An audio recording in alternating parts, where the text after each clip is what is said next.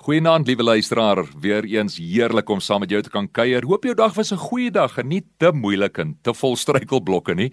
Weet jy ons het die afgelope paar aande mos nou so 'n bietjie stil gestaan by die realiteit van God se vergifnis en die lewe van God, die realiteit van hom wat in my lewe en my vergewe en daar geen veroordeling is nie, maar ook laat ek volgens sy gees die lewe en lewe in oorvloed kan beleef. Dit kom uit Romeine 8 vers 13 en 14 en uh, Romeine 8 vers 1 ook wat ons die vorige aand gelees het. Nou Romeine 8 vers 15 sê die volgende: dat die Gees wat aan julle gegee is, die Gees wat aan jou gegee is en ek wil spreek tot jou vandag waar jy luister daar, daardie Gees wat tot jou gegee is, is 'n Gees wat jou as 'n kind van God uit laat uitroep tot God, Abba.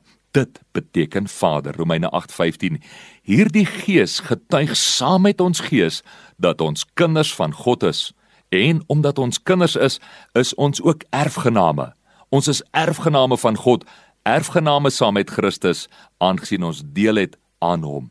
Mag jy dit besef in elke aspek van die woord en van die realiteit van daardie woord wat God spreek oor jou. Want weer eens Matteus 4 het hiersos mos nou gesê, laat ons leef vanuit sy woord. So daardie werklike essensie van wie ons is, daardie diepste binneste mens wees wat uitroep na hom, daardie geesdimensie van jou, dis dit wat deur die woord van God gevoer word en God wil in jou indeponeer vanaand net weer eens 'n besef dat jy is sy kind.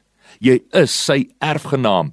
Hy het jou geroep en hy het jou geoormerk as sy kind en daarom kan jy uitroep na hom Abba, Vader.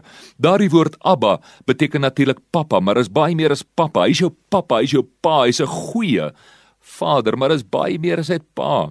Daardie woord Abba kom van die woord Ab af wat beteken oorsprong soos 'n fontein wat uitspring. Hy's die een wat voed, hy's die een wat gee, hy's die een wat lewe gee. Hy's jou Vader wat jou innig innig liefhet. En soos Jesus elders sê, watter vader sal vir sy seun 'n slang gee as hy vir hom vra vir brood?